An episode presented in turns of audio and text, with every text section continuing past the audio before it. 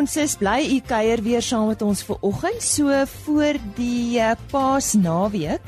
U is ingeskakel by RSC Landbou en my naam is Lise Roberts.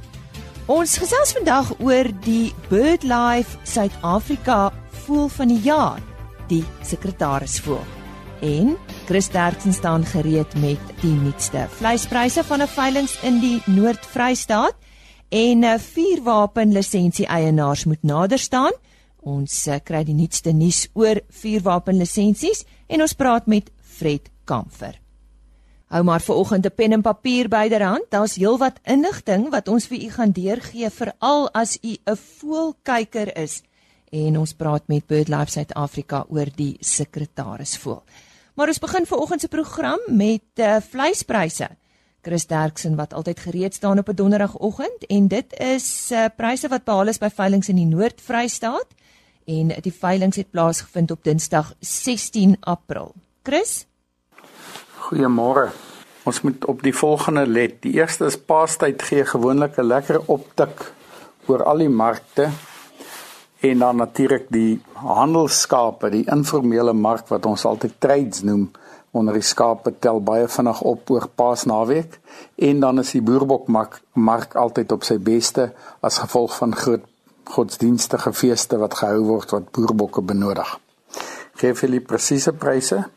Speenkalvers onder 200 kg het gegaan vir R32.49. Van 200 tot 250 kg R29.89 en oor 250 kg R27.51. A klasse R24.36, B klasse R19.66, C klasse het vetkoeie gegaan vir R19.01 en maarkoeie het gewissel van R15.50 na R17. Slagbulle R20.53. Skape was stoorlammetjies R35.33, slaglammers R30.03, stoorskape R26.11 en vetskape R24.98 per kilogram. In die bokmark was lammers R35.05 en ooe R27.41 per kilogram. Soos altyd, indien ons van enige hulp kan wees, skakel maar enige tyd na 08280 75961. Baie dankie. Ons sê soos altyd baie dankie aan Chris Derksen en hulle webtuiste is www.vleisprys.co.za. Die sekretaris voel is 'n charismatiese en soms intimiderende voëlspesies wat in verskeie habitatte oor die hele Afrika suid van die Sahara aangetref word. Nou die interessante voël is ook as vanjaar se BirdLife Suid-Afrika voël van die jaar aangewys en uh, Dr Melissa Whitecross vertel ons nou meer. Sy uh, is van BirdLife Suid-Afrika. Now, uh, you joined us this morning to talk about BirdLife South Africa 2019 Bird of the Year. And as I said in my introduction, it's the uh, Secretaris Fool for our listeners who are not familiar with the, this bird. Can you, can you describe it for us? Yes, sure. Thank you very much for having me. So the secretary bird is one of our tallest raptors in the world. It stands at around a meter and a half and has very long pink legs, as well as this large grey body.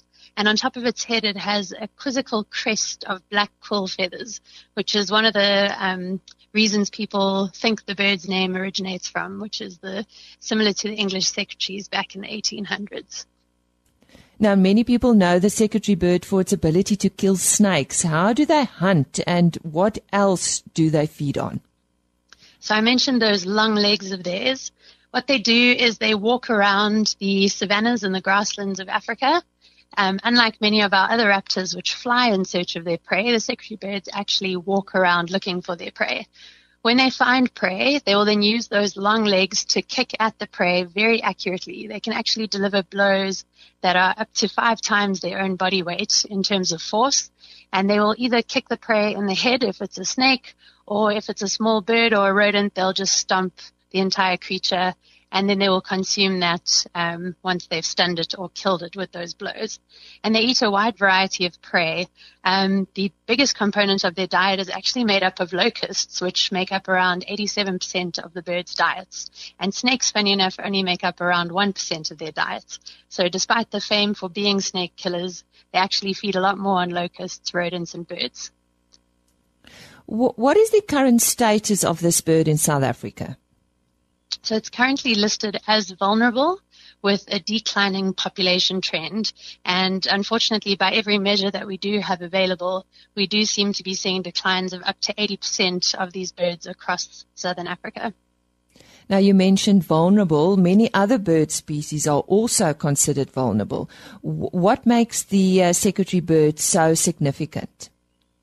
So the secretary bird belongs to the Sagittariidae family, and it's the only extant or living member of that family. And it's a family that is only found within sub-Saharan Africa. So if we were to lose the secretary bird, that would mean that we've lost uh, an entire member of a family that we would never be able to replace again. How long has BirdLife South Africa been tracking these birds? So my colleague Ernst Retief started tracking these birds back in 2012. He started off with a bird called Straker in the Free State, and since then we've tracked around 11 individuals. Nou ja, vir die wat nou eers by ons aangesluit het, ons gesels met Dr Melissa Whitecross van uh, BirdLife South Africa oor die uh, ja bekende sekretaris voel waaroor ons ook so trots is in Suid-Afrika om te hê. Tell us how this research is conducted and uh, what you've learned from it so far. So what we do is we get contacted by landowners when they have a secretary bird nest on their properties.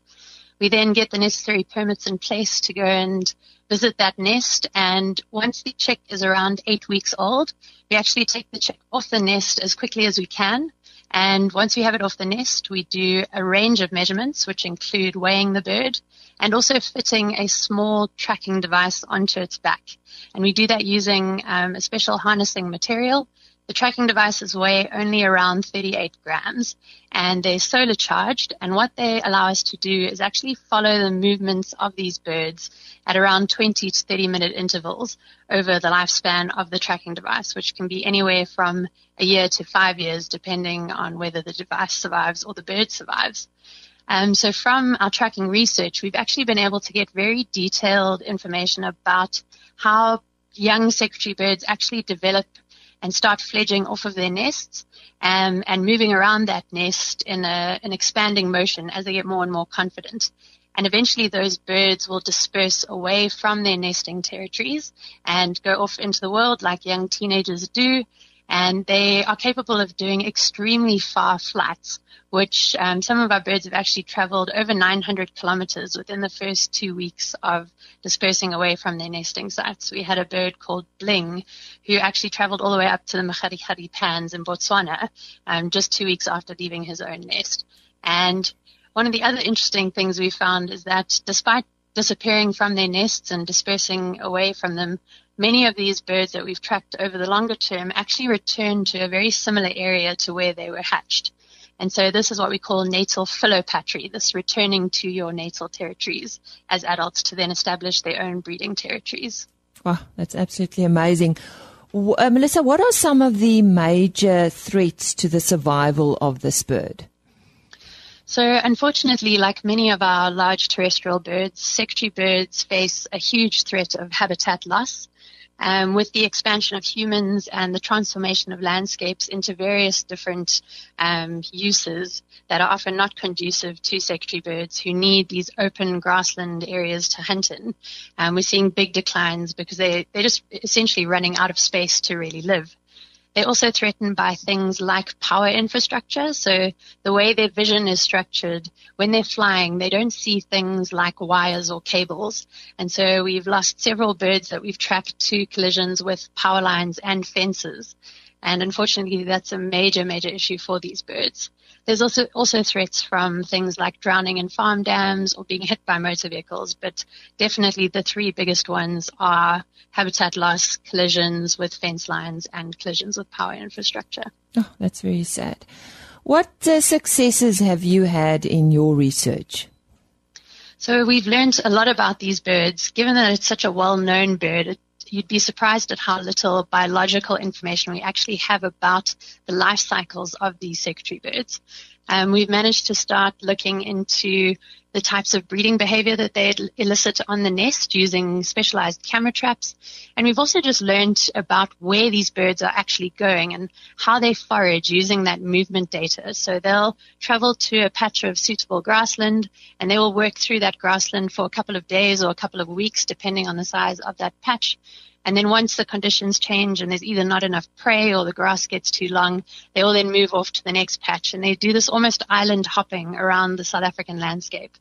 And unfortunately, one of the more scary statistics that we've learned while doing these tracking studies is that of the birds we followed, about 96% of the points that we got were not within protected area landscape. So that means that we now need to work with private landowners who are not necessarily uh, managing their lands for conservation and to try and figure out a way where we can work together with them to come up with effective strategies to protect these birds outside of the formal protected area network that South Africa has established.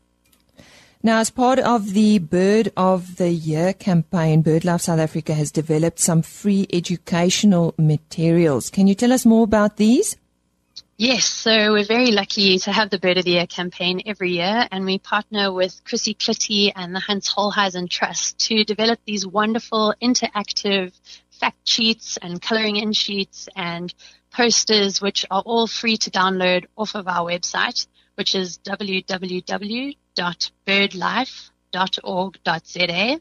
And essentially, these are just fun activities that children of any age um, can really get stuck into. They, they're um, fun, interesting facts about the secretary bird's lifestyle, the threats, there's also really um, well-designed les- lesson plans for teachers and educators to use um, in conjunction with some of the other material that we've produced.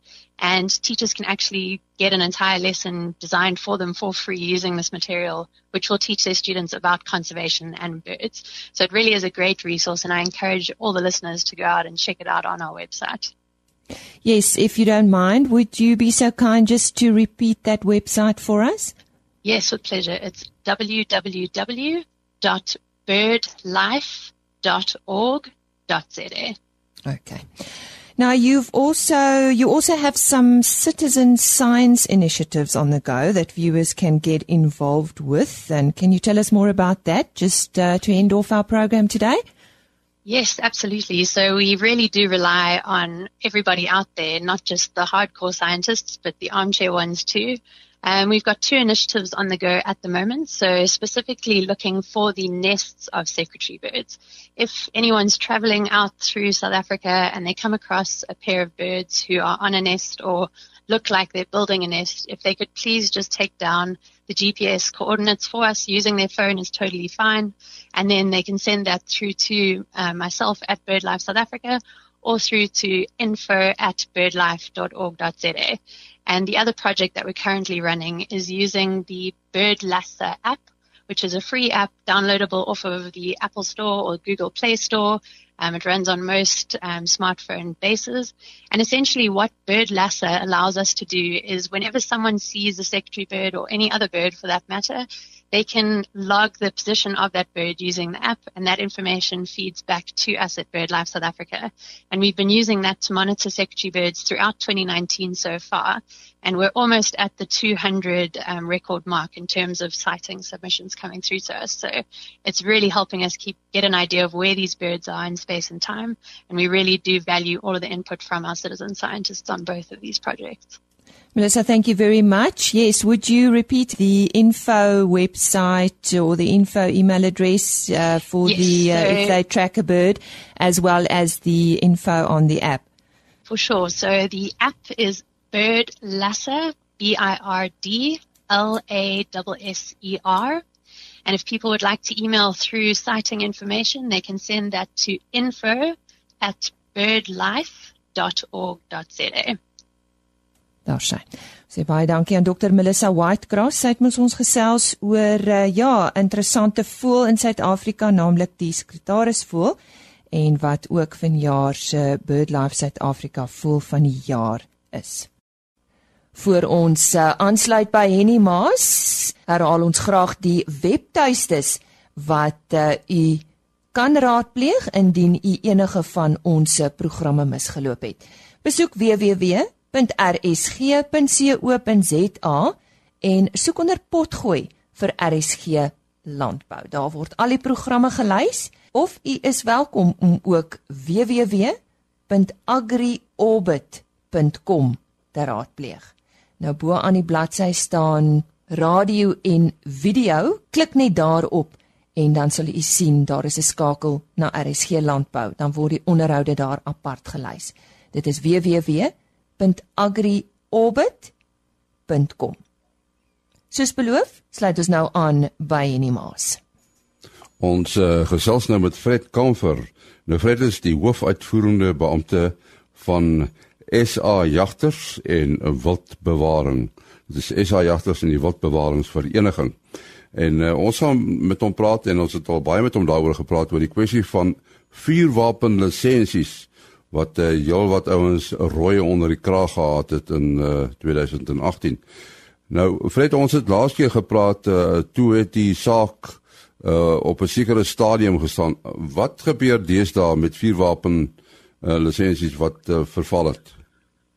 En nee, ons is in essensie maar by dieselfde posisie waar ons voorheen was. Ehm um, in 2018 na die grondwethof uitspraak teen die aansoek van SA jagters het Goza aansoek gebring uh teen die polisie wat ook handel rondom die herneming van vuurwapen lisensies en daar is 'n interdik, 'n tydelike interdik aan hulle toegestaan wat die polisie verbied om enige eienaar van 'n vuurwapen waarvan die lisensie verval het, ehm um, te vervolg en of om enige pogings aan te wend om daardie vuurwapens ingehandig te kry. Trouwens, die interdik is baie eksplisiet.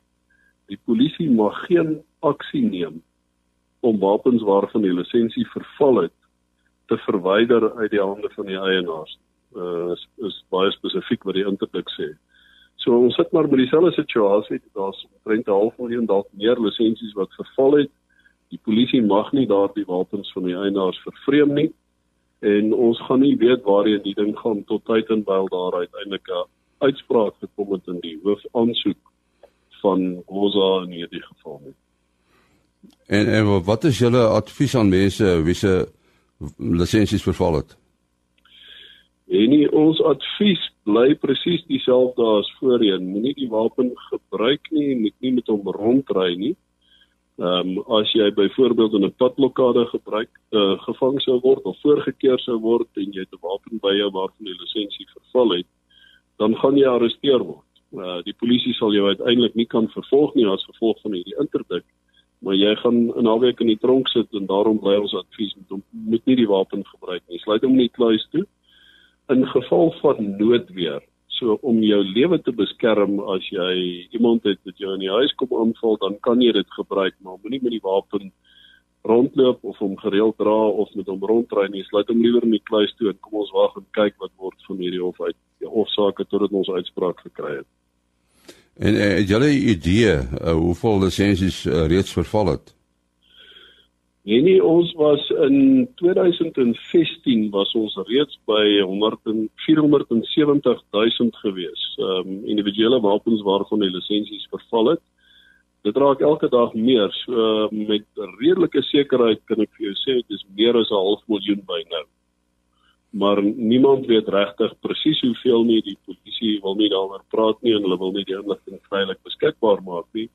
Ehm um, die 470 000 is 'n getal wat ons gekry het met met goeie sekerheid in 2016 maar by nou heel party meer is dit verseker. En en hoekom word so baie lisensies gelos tot nadat verval het? Ek dink doodgewoon mense vergeet daarvan en ek gaan nou bietjie moetswillig wees. Jy het 'n bestuurderslisensie. Wanneer verval hy? Ja, jy jy weet mos, dit staan daarop. Dis die punt. Hè?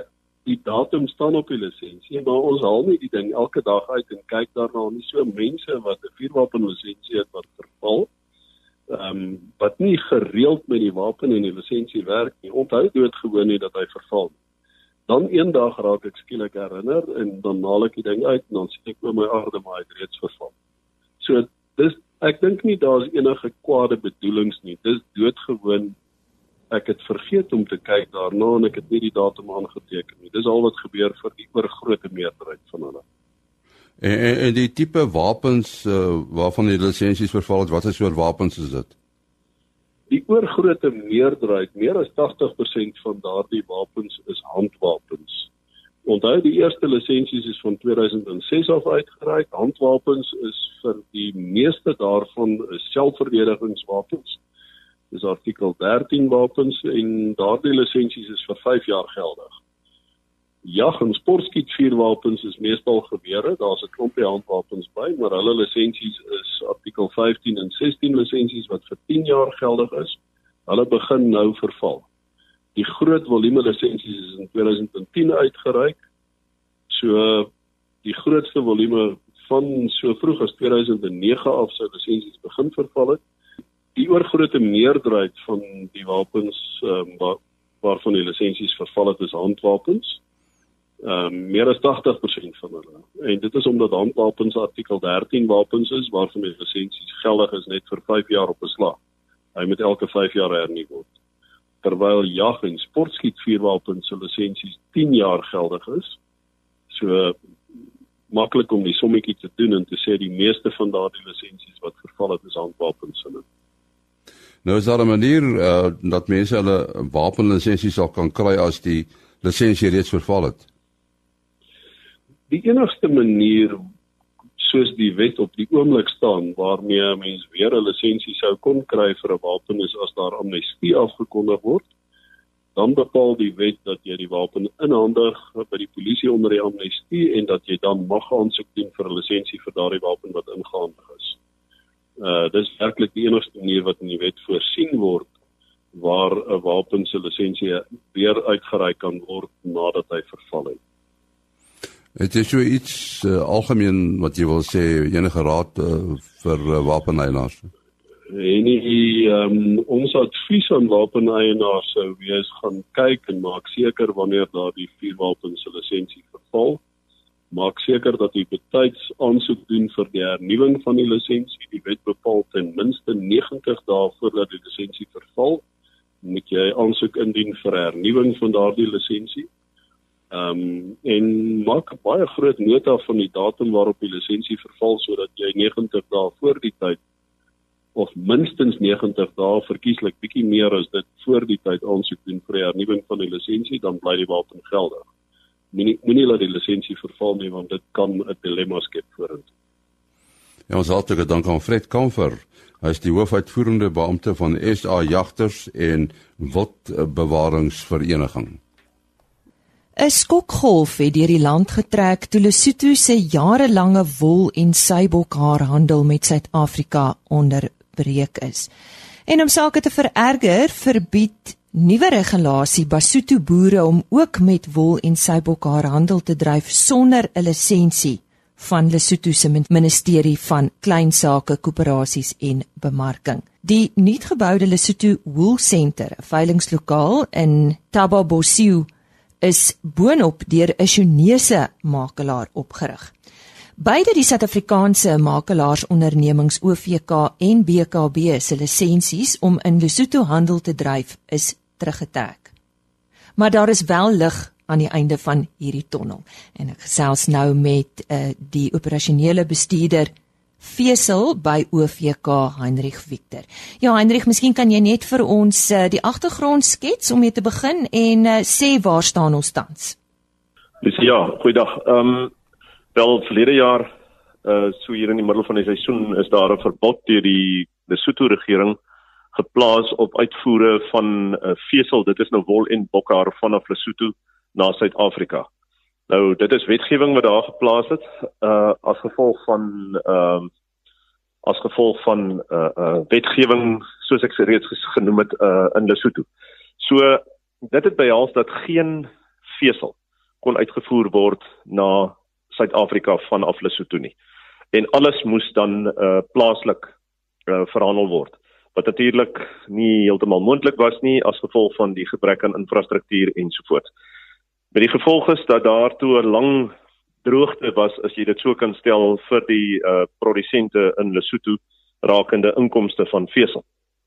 En onlangs maar ehm um, beraadslaging en onderhandelinge tussen alle relevante partye, dit is nou wolmakelaars, kopers, sowel as die regering van Lesotho as ook die uh die groeiers uh het op 'n gereelde basis plaasgevind en uh verlede week is daartoe 'n uh, hofbevel uitgevaardig deur die Lesotho uh, Hooggeregshof wat die regering genoop het uh en 'n mens kan sê beveel het om hierdie verbod vir uitvoere na Suid-Afrika op te hef.